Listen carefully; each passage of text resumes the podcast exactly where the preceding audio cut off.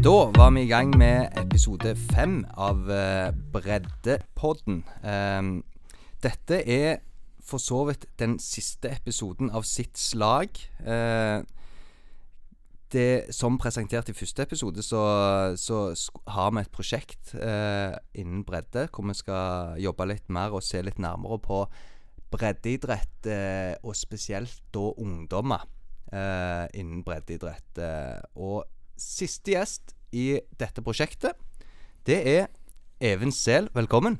Tusen takk, Tore. Du er toppspillerutvikler og medtrener på A-laget i Bryne FK. Eh, er, det korrekt beskrivelse? Det er helt korrekt. Det er det. Hva vil du si? Ja, det er toppspillerutviklerrollen, da. Så har vi jo en del spennende unge spillere i Bryne, så jeg har litt ekstra oppfølging, ekstra ansvar for dem. Og da er det de spillerne fra 16 år og, og oppover, så jeg prøver å legge til rette og motivere og inspirere dem til utvikling. Og så blir det opp mot A-laget med Jan Halvor, hans høyre hånd, og, og bidra der på en god måte til at lag og spillere utvikler seg, og at vi vinner fotballkamper.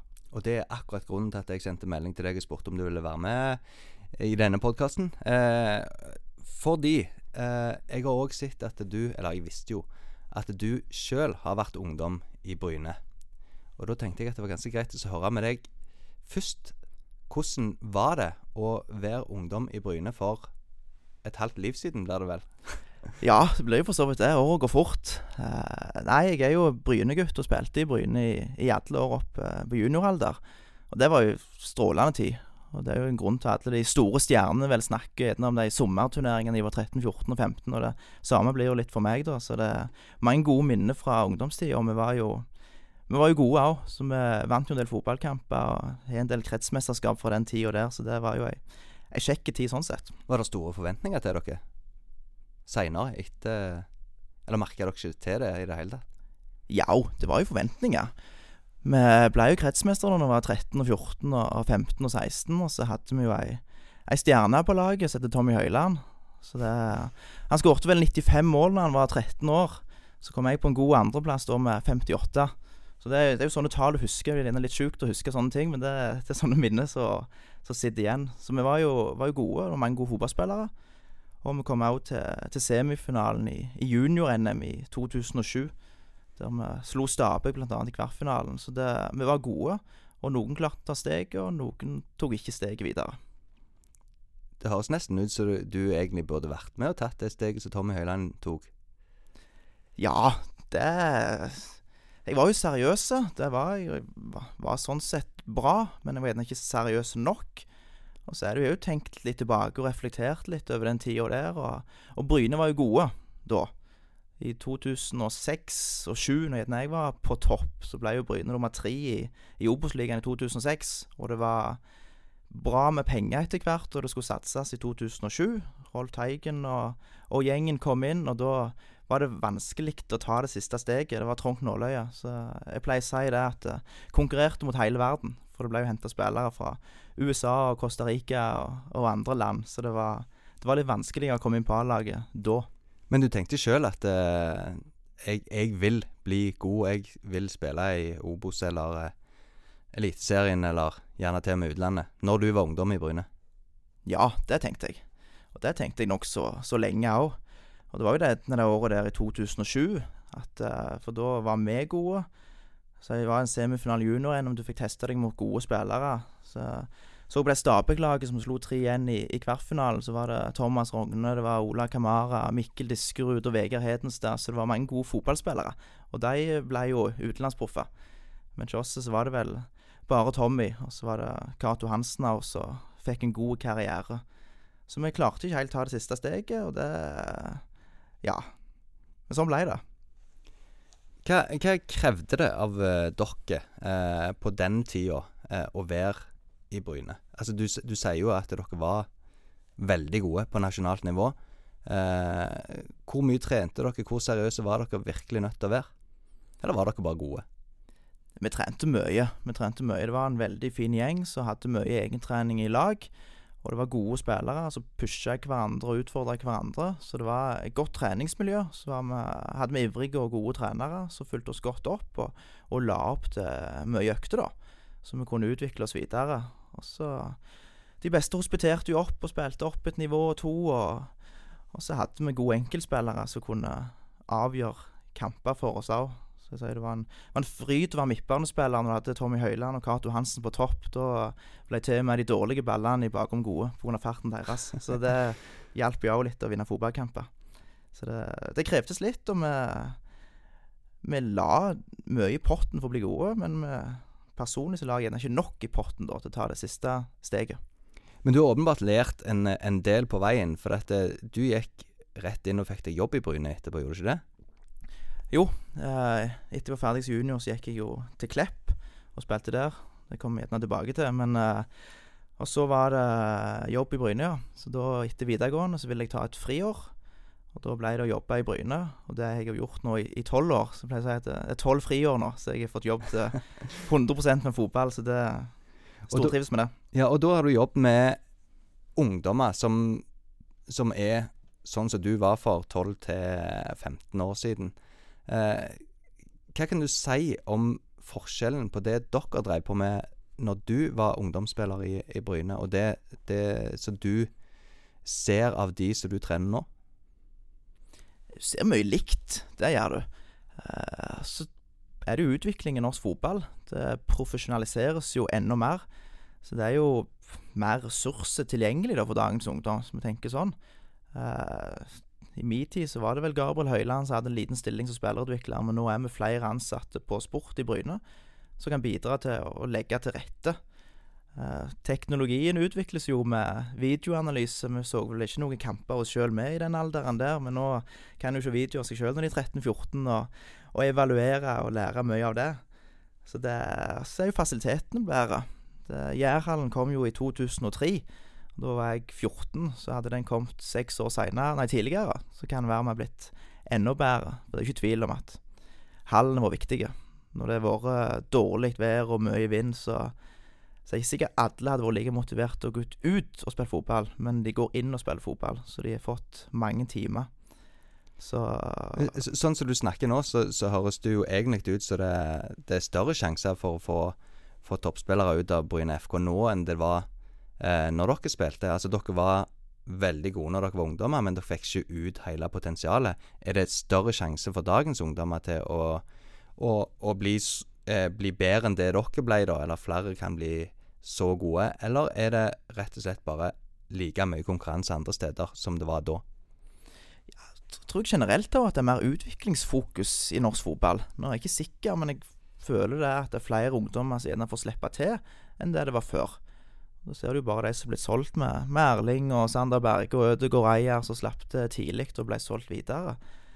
Eh, hvis du tenker på Bryne, da, så er jo det er lettere, for å si det sånn, lettere å bli A-lagsspiller Bryne nå, pga. vi dessverre ligger der vi ligger. Eh, og Da får du god matching i andredivisjon og kan ta nye nivåer, da. Og så er det jo veldig bra at vi har fått fram så mange gode som vi har, for det inspirerer jo og motiverer jo de andre. Så da er det flere som har lyst til å bli like gode som Red Skrøte, Merling Tordsaldt, Adrian Berntsen osv., og, så og, og bli like gode som de, som har hatt gode forbilder i egen klubb, da og vise det at det er mulig å, å, bli gode.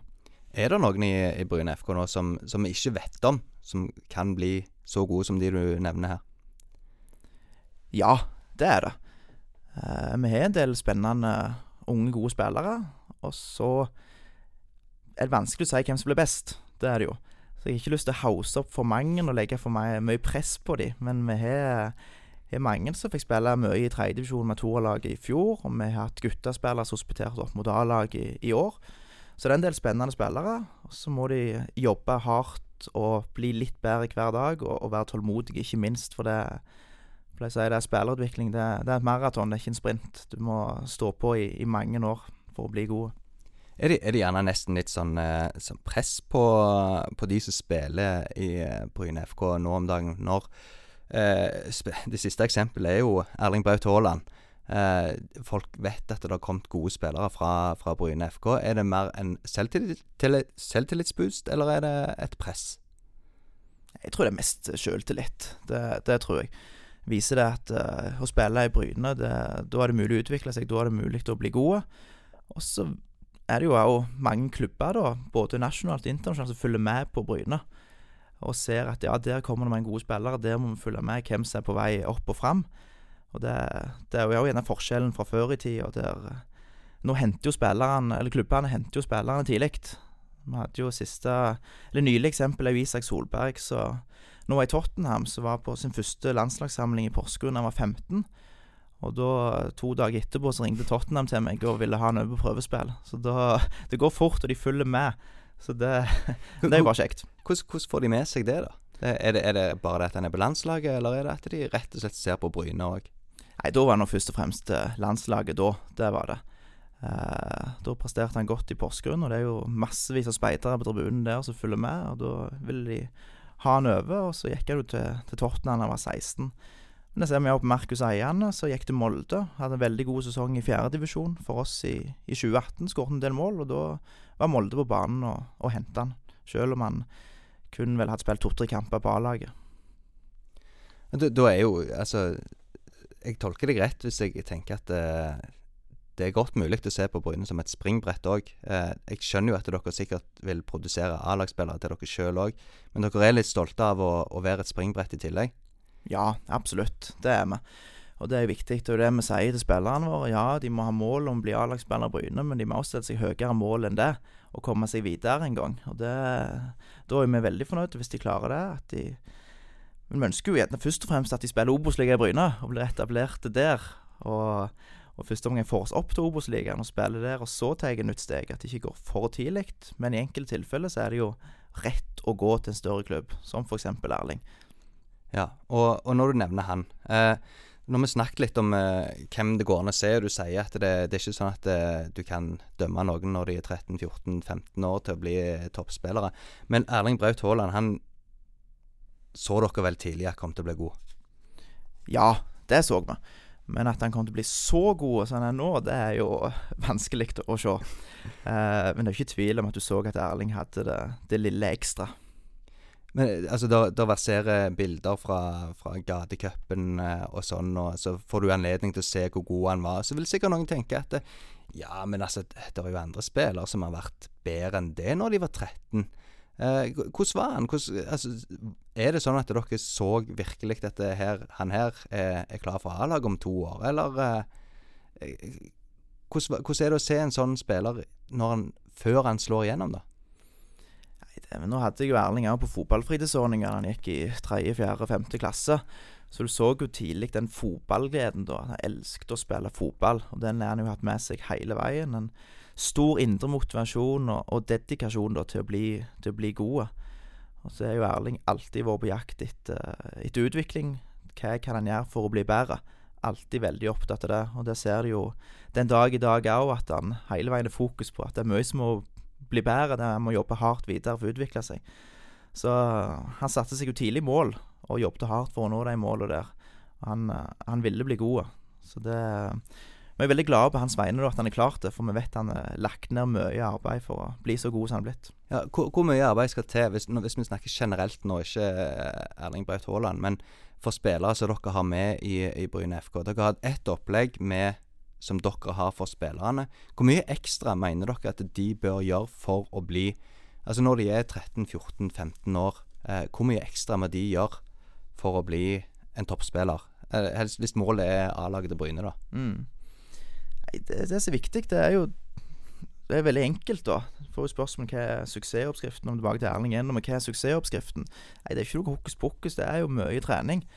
Uh, og så er det trening med kvalitet, ikke minst. Det er mange som er veldig fornøyd. Ja, når jeg gått to timer nede på banen, men så har de gjerne ikke jobbet så mye med kvalitet i de to timene der. Det er bare bare ja, litt skudd og litt triksing, og så prøver vi å treffe tverren, og så har vi litt konkurranse. Og det er viktig, den gleden der òg, og leken, men sett av en halvtime, da, der du jobber med utviklingsmålene dine, som du forhåpentligvis har satt deg, der du er 100% på det, og da blir det framgang.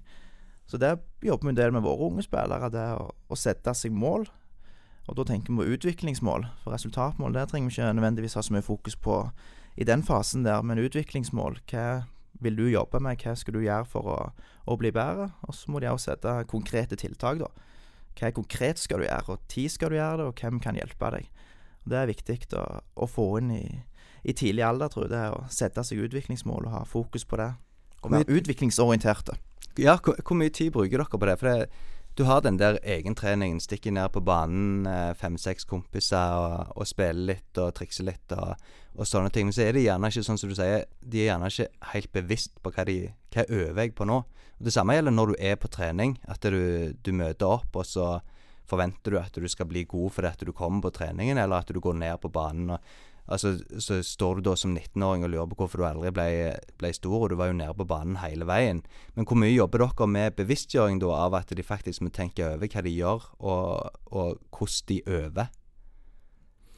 Det prøver vi å Det blir jo å få eierskap til egen utvikling, da. Uh, de må ta ansvar sjøl, og sier jo det at eh, som sier det, nei, jeg sier det til en 16-åring, at hvis du blir A-lagsspiller Bryne, så er det ikke min fortjeneste. Da er det din fortjeneste.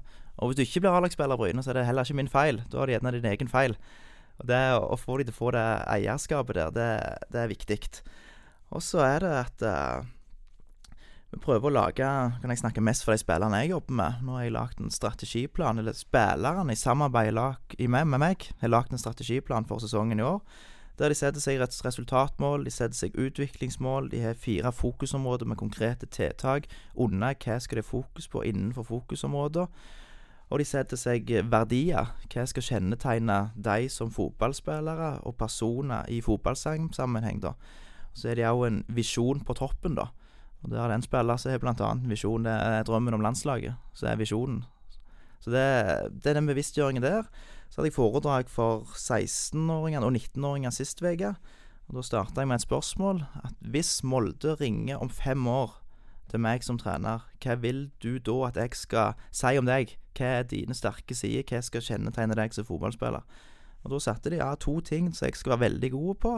Og så skal jeg være en ledertype. Ja, jeg skal ta ansvar utenfor banen, osv. Og da sier vi ja, flott, da er dere fem år på å jobbe det, derene. Da er det fem år på å bli veldig god på de to tinga. Og så da blir det jo egentrening, da, for å få en spisskompetanse der. Så sier vi det at eh, i dag så må du jo være en helhetsspiller òg. Du må være jevnt bra på det meste, og så må du ha den X-faktoren, da, for å, å bli den toppspilleren. Hvordan kartlegger dere at, eh, eller forsikrer dere dere om at eh, en 16-åring da er klar over at uh, uansett hvor du er på banen, så må du orientere deg, f.eks. Det, det visste ikke jeg før jeg var 28 eller noe. Det Mm. sier vel litt om hvorfor jeg endte opp der jeg opp. Men eh, altså Må dere jobbe med sånne ting, eller er, er de spillerne dere har inne, de, de er klar over hva over alle aspektene, som du sier, med Mm. spillet? Ja, det med orienteringsevne det er jo veldig viktig, for ting eh, går jo fortere i dag. Det utvikler seg hele veien, så det gjelder å jobbe godt med blikket og ha en plan klar i hodet når du mottar ball. Og da blir det å legge opp gode øvelser for det. Så er det når vi spiller possession, så må vi spille possession mest mulig i lengderetning. For den der velkjente ja, vi spiller åtte mot åtte, så er vi gjerne en joker, og så bare spiller vi rundt og rundt og rundt. Da lærer du gjerne ikke det å orientere seg framover i banen og ha rett kroppsstilling og første touch framover osv. Så, videre. så det, det er viktig. Og så bruker vi mye video. Jeg personlig er jo en veldig videomann, som filmer treninger. Eh, analyserer kamper. Spillerne får videoklippene sine. Og nå snakker vi om A-lag og 2A-lag. Der de kan evaluere seg sjøl i ettertid. Og da ser vi mye på, på orienteringsevnen. da Hvor mange ganger kikker du, ser du rundt deg før du mottar ball. Og så blir jo neste steg da, Det er jo greit at de ser mye, men de må jo oppfatte òg. Så da kommer jo fotballklokskapen inn. da Hva, hva ser de egentlig? Ja, og da er det jo òg eh, det som vi snakket om, at eh, de må være bevisst på hva de trener på. Eh, altså Når du er på trening og har possession, da, eksempel, så driver du og maser om at ja, men du må orientere deg, du må orientere deg. Og så driver de og orienterer seg, men de tenker gjerne ikke. Eh, så det, hvor, mye, hvor mye hjelp får de til sånne ting, og hvor mye må liksom være Må de ha i grunnen fra før av? Første steg blir jo at de er flinke til å klare å se rundt seg. Og det å ha rett kroppsstilling, at det ikke bare blir ballwatching, men at vi ser på ball, og vi ser framover, vi ser til høyre, vi ser til venstre. Og da er vi godt i gang. For da klarer de å, å oppfatte et eller annet. Og så sier vi det at alltid se lengst fram. For ser du lengst fram i banen, ser du bort i bakrommet, så ser du òg det som skjer i mellomrommet. Hvis du bare ser ti meter framfor deg, så ser du gjerne ikke det rommet som er til kanten til spissen osv. Så, videre. så der òg er det å, å konstruere øvelser på det å jobbe med orienteringsevne. Så jeg pleier av og til å ha på, på yngre lag, da, så er det litt teknisk. Så begynner vi gjerne alle hver sin ball. Ja, flott. Og så blåser jeg i fløyta, og da skal alle auene igjen. Og så spør jeg da hvem er bak deg, hvem er til høyre for deg, hvem er til venstre for deg. Og så er det ikke alle som klarer å svare riktig. Og så gjør vi det noen ganger. OK, ja, da klarer de å svare riktig, for da når de fører ballen rundt, så ser de til høyre, de ser til venstre, der blikket går hele veien. Så på alt av teknikk, pasningsøvelser, possession-spill, alltid jobbe med det med, med orienteringsevnen. Noen eh, har det gjerne litt eh, mer medfødt, akkurat så eh, og at noen er litt raskere, noen er høyere, noen er tidligere utvikla. Hvor mye eh, er medfødt talent? Nå, du er nødt til å definere talent òg, sikkert. Men eh, hvor mye har de med seg fra, fra fødselen, nærmest? Og hvor mye kan dere lære dem? Godt spørsmål. Det er vanskelig å svare på hvor mye som er medført. Nå er ikke jeg ekspert på det. Uh, ikke tvil om at noen har litt mer talent for et eller annet enn andre, men mye går det an å, å lære. Og det tror vi. Og det, noen utvikler seg også i ulikt tempo. Noen tar ting veldig fort, mens andre trenger litt mer tid. Og det er både det som skjer på fotballbanen, og det å bli voksen nok i hodet, da. Og det òg er jo noe som kan læres, og noe tar lengre tid på enkelte. For det, du må ha hodet med deg òg når du spiller fotball. Hvor tålmodige er dere? Vi er tålmodige. Ja. Utfordringen er mer eh, spillerne og omgivelsene og foreldre. Ja, jeg, jeg, eh. altså, grunnen til at jeg spør, er at jeg, jeg teller litt opp eh, overganger fra Nå kommer det et overraskende spørsmål på deg her, men eh, det, jeg teller opp overganger ut fra Bryne eh, i 2019. Ja. Eh, og der er der eh, Så så jeg på alderen på de. Mm. Eh, og da er det andre og siste års juniorer. Mm. Helt naturlig. Eh, vil, uh, vil iallfall jeg påstå. Ja. At uh, de blir utålmodige, som du sier, og finner seg en lokale klubb å spille på A-laget der heller. Syns du det er litt for tidlig at de driver og, og tenker alternativt når de er andre og siste års junior? Ja, i enkelte tilfeller. Så er det alltid hvilke ambisjoner de har. Hvis de ikke har lyst til å være på juniorlaget til Bryne f.eks. og trene fem ganger i uka, så er det OK, da er det greit å gå til en lokale klubb og heller spille der. Eh, men generelt så, så er spillerne av og til litt for utålmodige. Og det jobber vi mye med. At det tar tid. Igjen, det er et maraton, det er ikke en sprint. Alle kan ikke bli som Erling Haaland og, og spille der han spiller når du er 19 år. Noen utvikler seg seinere. Så den tålmodigheten, den eh, er viktig. Og den er hos dere? Ja, ikke oss, men så er det òg enkelte tilfeller så er det noen som gjerne ikke vil, legge, vil bidra nok, eller bruke nok tid på det, da. Og da er det greit at de gjør noe annet. For det sa jeg igjen på det foredraget jeg hadde sist uke. Så sa jeg det Da ville jeg at alle skulle reise seg. De skulle gi 100% i år. På hver eneste trening. Alle reiser seg. Det er strålende. Og alle som skulle bli litt bedre, også skulle reise seg. Og alle reiser seg. Og det er helt flott. Men så sa jeg òg at det er helt greit òg at noen ikke har de store ambisjonene. At noen tenker at uh, Med all respekt for uh, Rosseland, Varhaug og Nærbø, men at den, det, det, det, er der jeg vil bli. Jeg vil ikke bli toppspiller. Jeg kan spille der, jeg. Det er helt greit. Eller hvordan spiller, eller hvor det er. Og så er det òg noen som vil bli landslagsspillere, som vil bli proffer. Og vi har plass til alle. Så lenge du nå snakker om junior lite, så lenge du vil gi 100% og bli litt bedre. For da bidrar du til å skape god, eh, et godt utviklingsmiljø, da.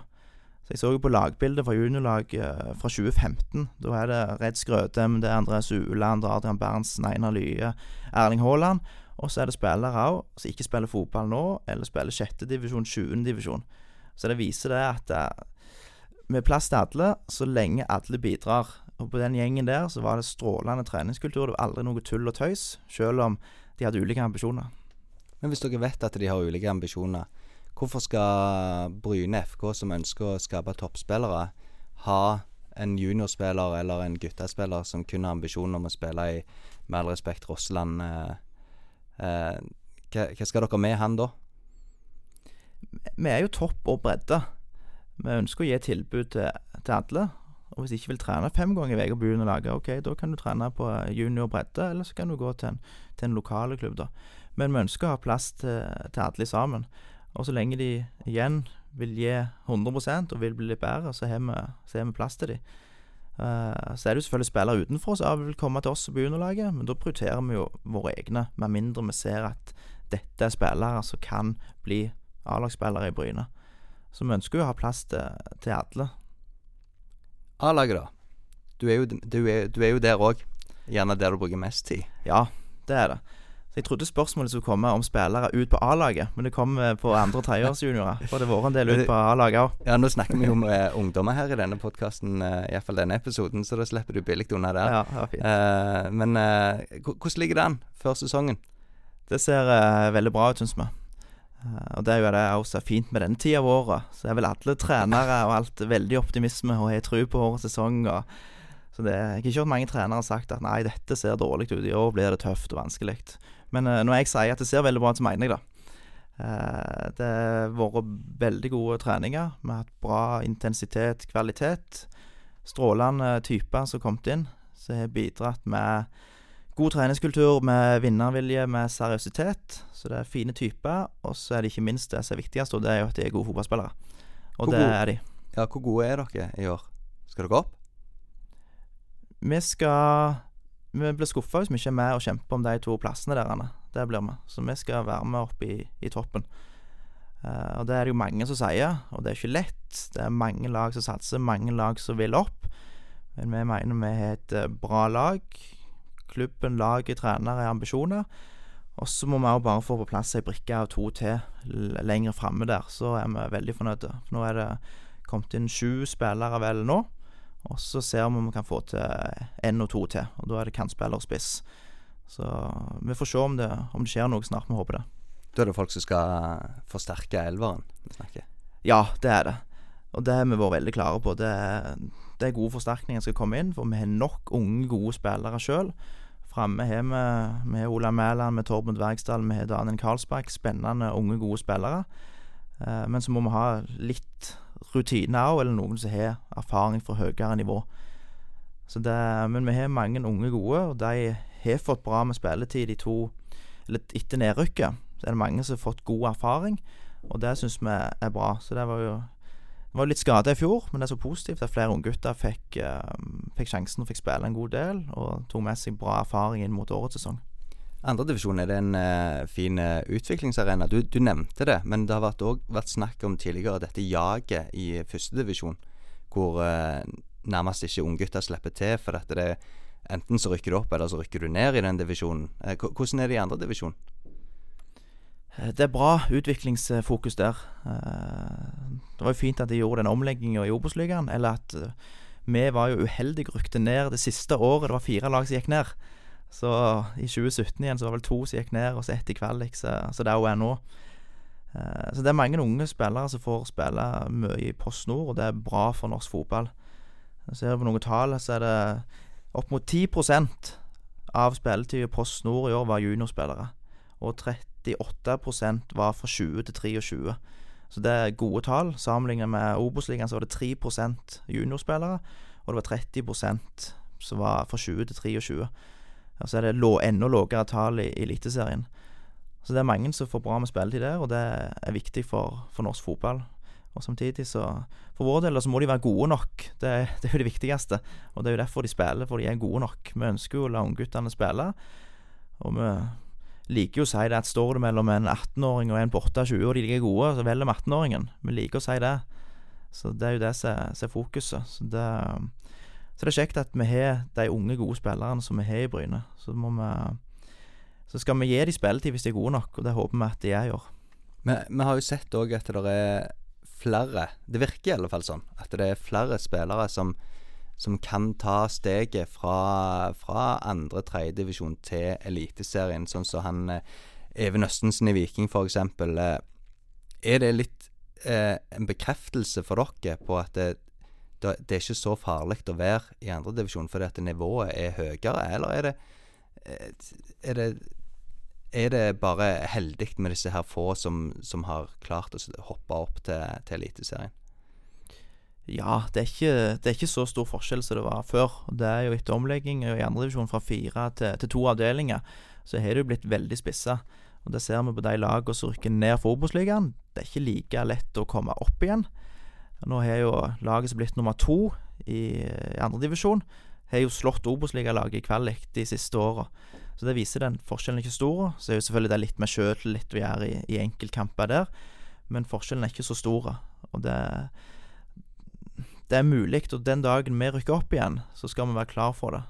Både som klubb og som lag til å etablere oss i Obos-ligaen og holde plassen året etterpå i første omgang.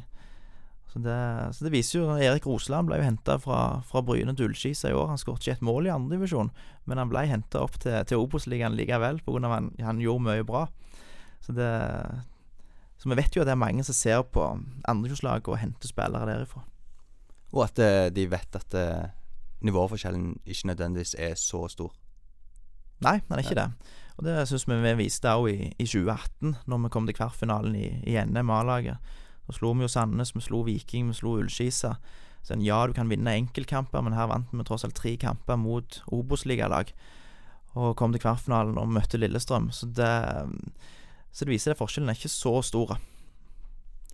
Vi må snakke litt om deg òg. Eh, vi var inne på det for det er snart en halvtime siden. Men eh, du eh, nevnte litt hva du gjorde etter, etter du hadde vært junior. Og jeg tror ikke jeg husker helt feil at det, Samtidig så jeg begynte å, å få eh, praksisplasser og litt sånn vikarjobber og, og, og litt frilansoppdrag i, i, journalistikken, så, så dukket Even Sehl opp eh, i, i, Bryne FK nesten samtidig, vil jeg nesten tro. Eh, og, og si, siden da så har jeg sittet jeg eh, innimellom på, på Bryne. Du har jo vært der, som, som du nevnte, siden da, egentlig. Eh, Eh, og jeg har fått med meg at du har hatt litt ulike roller. Du har vært eh, trener på juniorlaget, eh, medieansvarlig, eh, til å være eh, aktuell som hovedtrener på, på A-laget, til, til, den rollen du har i dag. Det, det er ganske innholdsrik eh, karriere til å være Er det 31 du er? 30. 30, ja. Du blir 31 i år, da. Ja, det gjør jeg. og hvordan setter du opp CV-en din når du har eh, liksom vært innom så mye forskjellig i Bryne FK? Setter du bare opp 'Jeg har jobbet i Bryne'? Ja, ansatt i Bryne FK, ferdig med det. Ja. For da er du litt uh, alt mulig, mann. Nei, det har jo vært uh, flere ulike roller. Jeg liker jo å se på meg selv som allsidig. At jeg har litt kompetanse på, uh, på flere områder. Så jeg starta jo som breddekoordinator, som det heter. Da var det en del administrativt, samtidig som jeg var med på fotballfritidsordningen vår. Der har jeg vært ansvarlig for den i lengre perioder. Så jeg jobber med marked, jobber med media. Jeg var juniortrener i, i fem år. Og så var det opp på A-laget som, eh, som medtrener der i 2016. Og så var det elleve kamper som vikar som hovedtrener i, i 2018. Så jeg startet med å trene 13-årslaget. Så var det opp på 16-årslaget, og så tok jeg over juniorlaget høsten 2010. Så da var jeg vel ett og to år eldre enn de jeg, jeg trente. Det var vel egentlig da trenerkarrieren starta. Da kom vi til semifinalen i junior-NM. Da var jeg trener da for mange gode spillere den høsten der. Så det var det som ga mersmak og gjorde at jeg egentlig trappte ned som spiller da, og satsa mer på trenerkarrieren. Hvordan er det å være Du er jo fortsatt ung, og du var jo òg ung for, for de ti år siden. Er det, mm. Hvordan er det å være ung trener? Eh, du sier du var to-tre år eldre enn de du trente, og nå med A-laget så er du gjerne yngre av og til enn eh, noen av spillerne som kommer. Mm. Hvordan er det? Jeg har ikke tenkt så mye på dette her med alder, egentlig. Det er, det er mer folk rundt seg snakket om den alderen. For jeg var jo Jeg var 20 år da jeg tok juniorlaget. Jeg var 26 vel når jeg ble assistent på A-laget. 28 da jeg ble hovedtrener for første gang. Så jeg har alltid vært unge.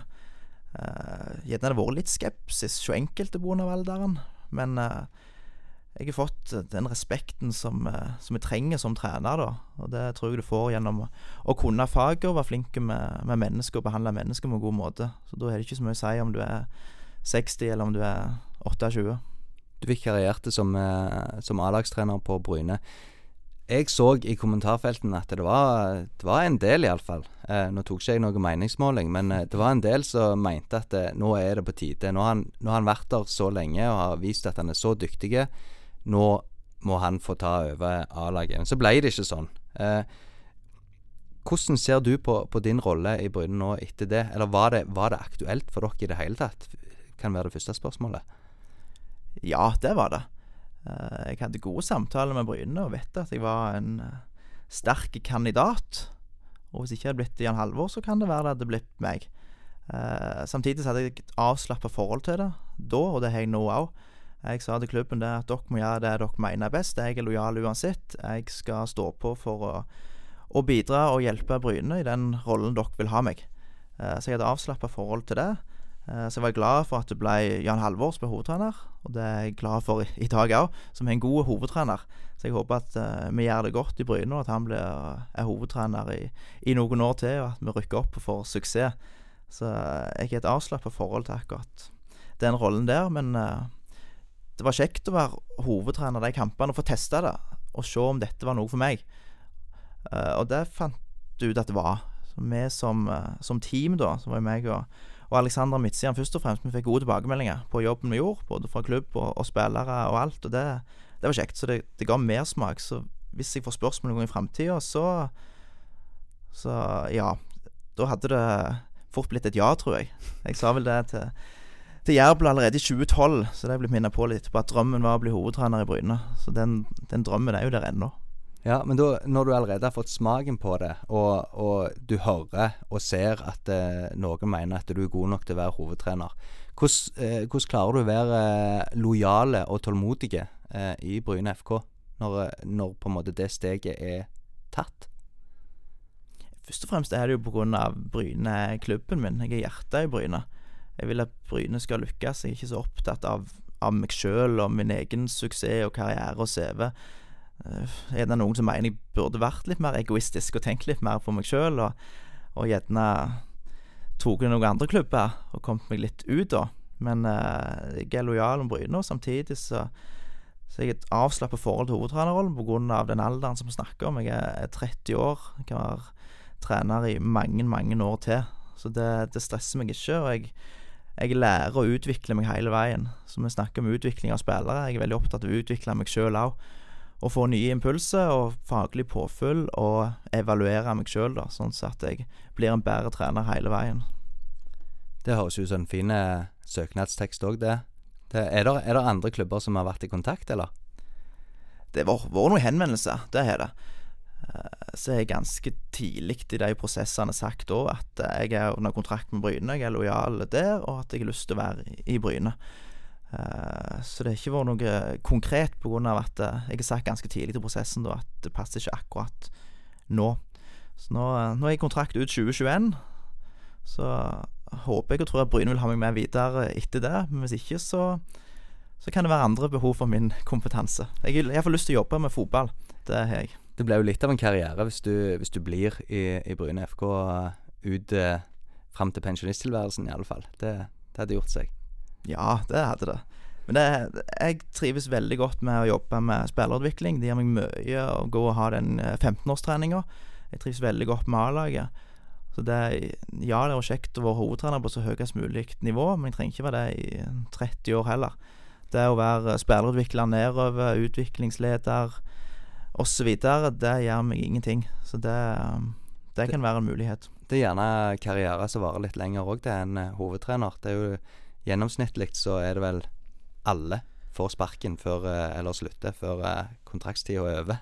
Og ja. det er ikke så mange som holder ut så lenge som, som du har vært i klubben nå, Nei, som er, er hovedtrenere. Det er det ikke. Så det Gaute Larsen sa til meg en gang at uh, du er ikke skikkelig fotballtrener even før du får sparken, sa Gaute Larsen til meg. Så det er gjerne noe med det, at uh, alle får sparken en gang.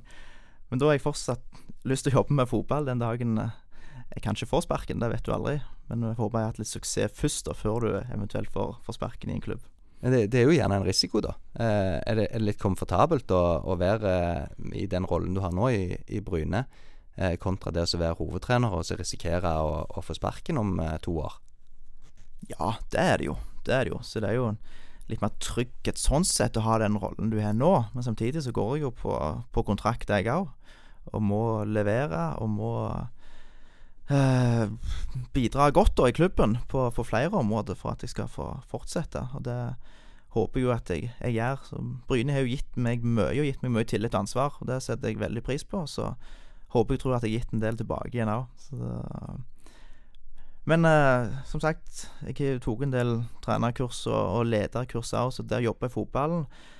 Administrativt òg kan jeg bryte med, så plutselig er jeg, daglig leder, sportsleder leder òg i fotballklubber om en del år. Det vet jeg aldri. Hvor mye utdanning har du? Jeg sa jo det var tolv friår som jobber med fotball nå, men Ja. eh, så mens jeg jobber, så har jeg gjort litt fornuftig iallfall, og, og tatt litt studier. Uh, fotballsammenheng eller idrett, så jeg tok et topptrenerstudie på idrettshøyskolen, og jeg uh, begynte litt med et årsstudium i histo- historie, et årsstudium i samfunnsfag, og tok litt kurs på BI, og så det er blitt en del studiepoeng uten at det er blitt en grad eh, ut av det, da. Så det er litt fornuftig jeg har fått gjort utenom fotballen. Litt, iallfall. Så hvis du en dag Ja. skulle ombestemme deg, så er det ikke veien for lang til, til et annet yrke. Da har jeg litt på, litt på CV-en, da. Altså, så, så jeg tok en del kurs da gjennom Norges Fotballforbund. Og det er strålende kurs, forresten, som kan anbefales til trenere der ute å ta både trenerkurs og lederkurs i, i regi av NFF. Det har gitt meg mye. En annen klubb så, som må stå deg nær, er Rosseland. Der har du vært eh, i ganske mange år som spiller. Eh, jeg registrerte på via fotball.no at det så ut som du hadde lagt opp. Det, det fikk jeg jo bekrefta før vi trykte på play her, eller rekord. Eh, og jeg forstår at du har blitt eh, far. Gratulerer. Takk for det. Det var, det var vel i høst. Det var det. Eh, og er det, er det det som gjør at du nå har valgt at eh, nå er fotballskoene helt på hylla? Ja, det, det er egentlig det. Uh, hadde jeg hatt en vanlig jobb fra åtte til fire eller sju til tre, så hadde det vært mye lettere å få det til. Men når jeg jobber så mye kvelder som jeg gjør, og så mye helger som går vekk med trening og kamper, så gjelder det å bruke den ledige tida du har fornuftig, og da er det å bruke den tida fornuftig på deg hjemme. Så det hadde var kjekt å spille litt til. Nå fikk vi avslutte med et opprykk med Rossland, iallfall fra femte til fjerde, så jeg fikk en fin avslutning der. Fortell litt om, eh, om ditt forhold til Rossland, eller eh, hvordan Rossland er, er nå. Eller iallfall fram til du ga deg. Ja, det er jo Bryne og Rosseland som var mine to klubber hele livet. Far spilte jo i, i Rosseland en del år, og det var jo stort når du fikk som femåring fikk lov til å være med på treningsleir med Rosseland til Skottland. Så da var jo Rosseland-spillerne den tida store forbilder. Så, det, så jeg var jo i Klepp i ett og et halvt år, og så gikk jeg til Rosseland i 2010, var det vel. Og da rykte vi opp fra fjerde til tredjedivisjon. Spilte tredjedivisjon i 2011, og så er det blitt uh, Rosseland etterpå. Så jeg har vært litt Jeg har alltid vært med, men det har vært litt av og på. For eh, noen sesonger har det vært veldig travelt på jobb. Jeg har vært litt småskada av og til. Ikke fått trent så mye som jeg ønska, men jeg har alltid spilt et OK antall hver sesong. Så det, jeg hadde som mål om 200 kamper. Det stoppet på 195. Men jeg har sagt eh, til Kai Ove da at eh, hvis det er krise, så er det bare å ringe meg. Så, men eh, jeg håper og tror at de ikke ringer meg i år, for det, det er bra med spillere i Rosseland, og de har et godt lag. Men er det ikke sånn at du gjerne burde få, få tildelt de eh, fem med å så få fem innhopp, eller noe sånn eh, på slutten? Eller er du ikke fan av sånne ting? I Rosseland må det være lov, tenker jeg. Så hvis jeg kunne fått en treningskamp de neste fem åra, f.eks. fordelt over fem år, så kunne det vært fint. Og fått ei 200. Så det, vi får se på det. Hvordan tror du det går med Aasland i år? Jeg tror det går bra. Uh, hvor bra det er vanskelig å si. Jeg så uh, på Facebook så var det vel Stig Martinussen, Jørpelandsmann lokalfotball, Ståle Jørpeland, som skrev det at Rosseland har en god navn. Så jeg vet ikke om han skrev det bevisst akkurat det med navn, og ikke spillere. Men det er ikke tvil om Rosseland har en god navn. Og så får vi håpe at det er gode spillere òg i år. At uh, alle de som har gode navn, får trent jevnt og trutt, for da er de gode. Vi hadde jo godt lag det året vi rykte ned. Det var vel i 2018 da. Rykte ned i fjerdedivisjon. Mange gode navn. Men vi fikk ikke trent så mye, så da ble det nedrykk. Også i femtedivisjon så gikk det jo greit å gjerne ikke trene så mye. Så da ble det opprykk igjen. Men så er nivået høyere i fjerdedivisjon. Men eh, nå har det kommet en del yngre, gode spillere som kan få trent litt mer og er mindre skada. Så det tror jeg blir bra. Det var, det var en fin formulering med, med navn. Vi har eh, tidligere hatt andre diskusjoner eh, utenfor denne podkasten altså, eh, hvor påstander om at eh, de har gode spillere, men de, de trener ikke nok. Mm. Og så Derfor er det ikke topplag. Eh, og da er jo argument, argumentet mot vært at eh, eh, Ja, gode spillere. Da er de jo gjerne ikke gode spillere da, hvis de, hvis de trener så lite. Så da, men navnet har vel ingenting å si? Har det det? Nei, det er ikke det. Hjelper ikke å ha en god CV hvis du ikke er, er bra og motivert akkurat nå. Men det er jo det som er fint med Rosselandet vårt i mange år, at uh, Rosselandet vårt for, for alle, om du er 20 år eller 35. Uh, og det er bra at det er en sånn klubb der du kan Du har ikke tid til å trene mer enn én til to ganger i uka og spille kamp. At du da får lov til det. For det er vel ikke mange klubber nå, lokalfotballen, der det er mange over 30 som spiller fotball. Vi hadde en kamp her i høst med Rosseland der vi var ni mann over 30 år som starta kampen. Og det er jo bra at du har en plass der de litt eldre kan få lov å spille fotball når de fortsatt er motiverte, selv om de gjerne ikke har tid til å trene så mye. Eh, nå er det jo som sagt heldigvis kommet en del yngre som kan eh, overta da litt for denne generasjonen min da, som gir seg etter hvert. Så det er jo mange unge, gode spillere. De er ikke så unge lenger, vet du. Men uh, i 6-27-årsalderen så kan jeg iallfall spille i 5-6-7-8 år til.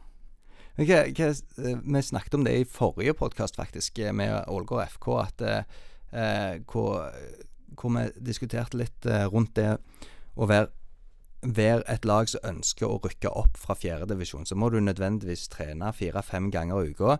Samtidig da, så de gode spillere, de, de navnene som vi snakket om, altså de kan ikke trene fire ganger i uka.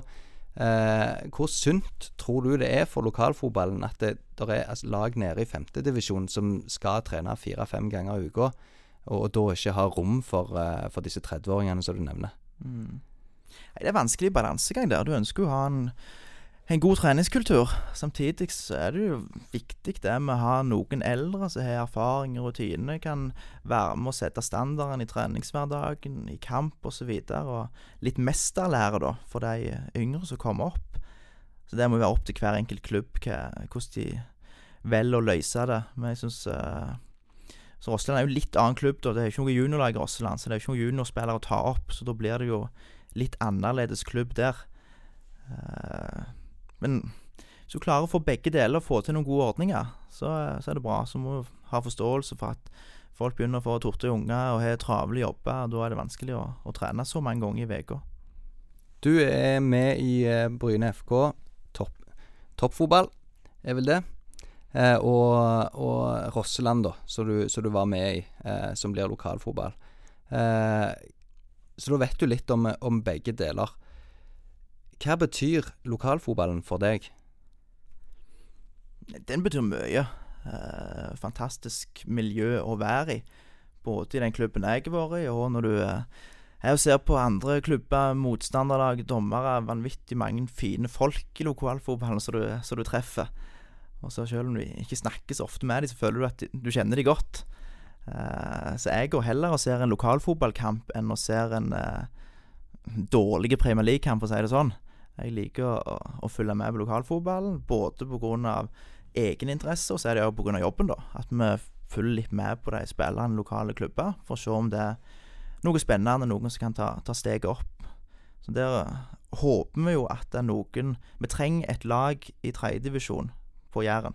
Det er litt synd at vi ikke har det nå. For de som gjerne ikke er gode nok for Bryne.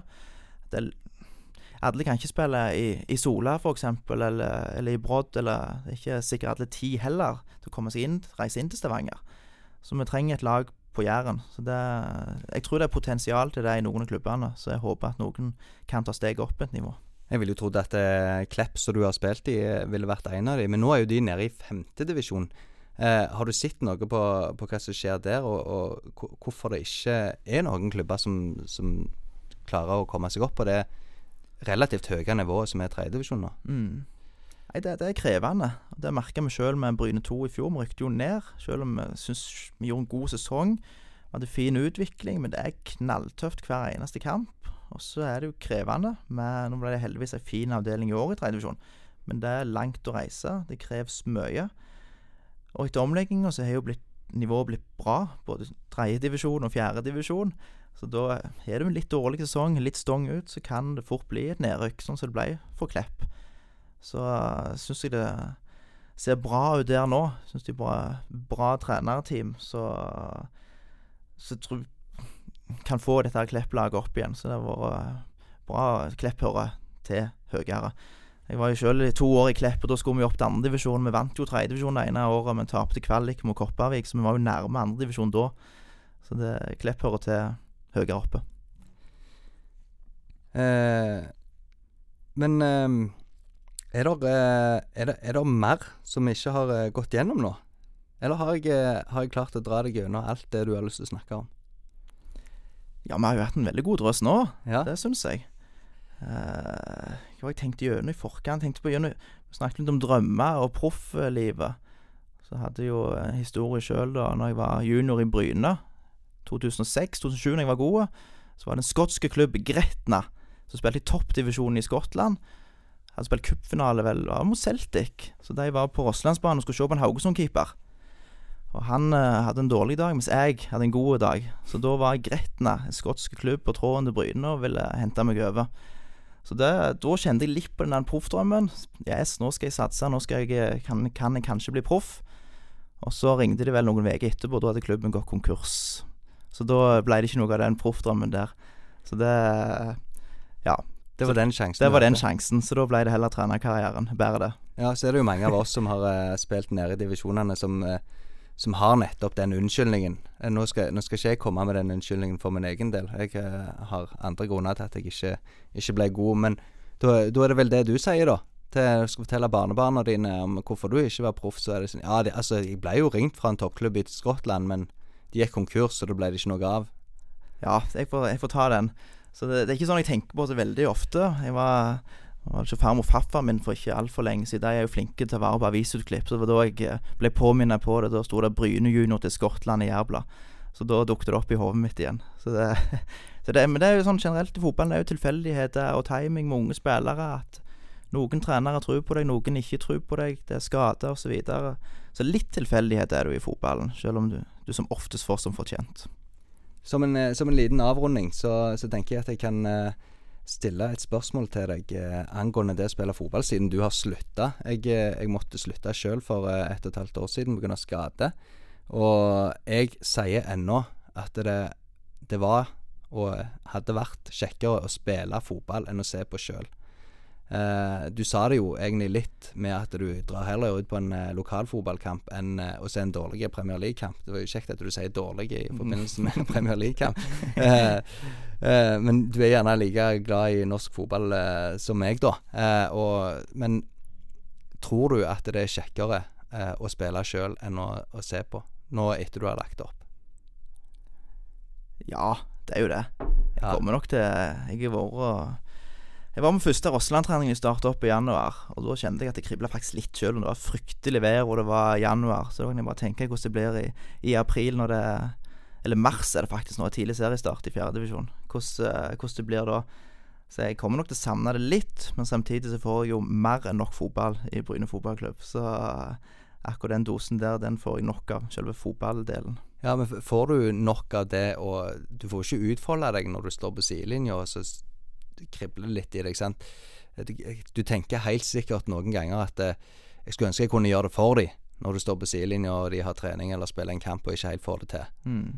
Da må det jo krible litt. Ja, det gjør det jo. Så jeg tenker jo av og til noen ganger Hvis jeg hadde satsa litt til på fotballen, da, hvor god kunne jeg blitt? Det er vanskelig å si, men jeg, jeg tror ikke jeg hadde blitt så mye bedre enn en, en god andredivisjonsspiller, altså. Jeg tror ikke det. det. Jeg hadde mine sterke sider, men jeg hadde også mine svakheter. Det, det ser jeg veldig klart sjøl.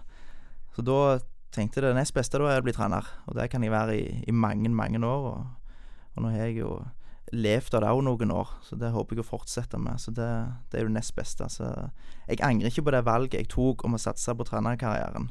Eller fotballkarrieren, lederkarrieren. For det, det er ikke sikkert jeg kan jobbe med, heller med fotball hele livet, men jeg har lært vanvittig mye og fått mye kunnskap og erfaringer som jeg òg kan bruke på, på andre områder, tror jeg, i livet. Får du være med og spille litt på treningene? Av og til, hvis vi plutselig Men da er det ikke vanlig spill. Da er det taktisk, da, hvis vi bare skal drille elveren. Og da liker jeg best når den elveren skal starte, jobbe defensivt. Sånn så vi på det andre laget får ha ball. Da er jeg best med ball. Du skal ikke være skjegle. Nei, så Nei. Da, er, da er jeg en stopper som tør å ta med ball og tre gjennom ledd. Og det klarer jeg faktisk ganske greit på de treningene der. Ja, men det er viktig å kunne vise, vise at du òg kan noe når du er, når du er trener. Det er akkurat det. Så jeg er, jeg er best med ball, og så må du ikke slå ballen i bakrom, for eh, farten min er så som så. Eh, med det så, så avslutter vi denne episoden her. Eh, Takk for at du ble med, Even. Eh, og jeg kan gjenta det jeg sa innledningsvis, at det, dette er siste episode i det prosjektet eh, som kalles eh, Ja, som bare er kalt for Breddeprosjekt. Eh, hvor, vi skal, hvor vi har eh, tatt opp en del tema som angår breddeidrett og eh, spesielt da ungdommer innen breddeidretten. Even fikk æren av å være siste gjest i, i den, eh, den typen. Eh, så skal vi evaluere eh, etterpå hvordan, hvordan det blir med denne podkasten etterpå. Det beste dere som, som hører på, kan gjøre for at den skal fortsette, er å lytte. Når dere kommer her til, så har dere jo hørt på, men da må dere bare spre ordet og få andre til, til, å, til å høre på. Så egentlig avgjør dere om, eh, om det er liv laga for å ha en podkast om dette her. Og jeg kan love at eh, hvis vi fortsetter, så, så blir det enda mer bredde i, i temaet, og vi er ikke like bundet av, eh, av alder i de vi snakker om. Og, og da er det større åpninger for, for å ha en flere typer. Så igjen, takk for at du kom, Even. Tusen Også, takk. En ære. Veldig hyggelig. Så, så takker vi for oss for denne gang. Yeah.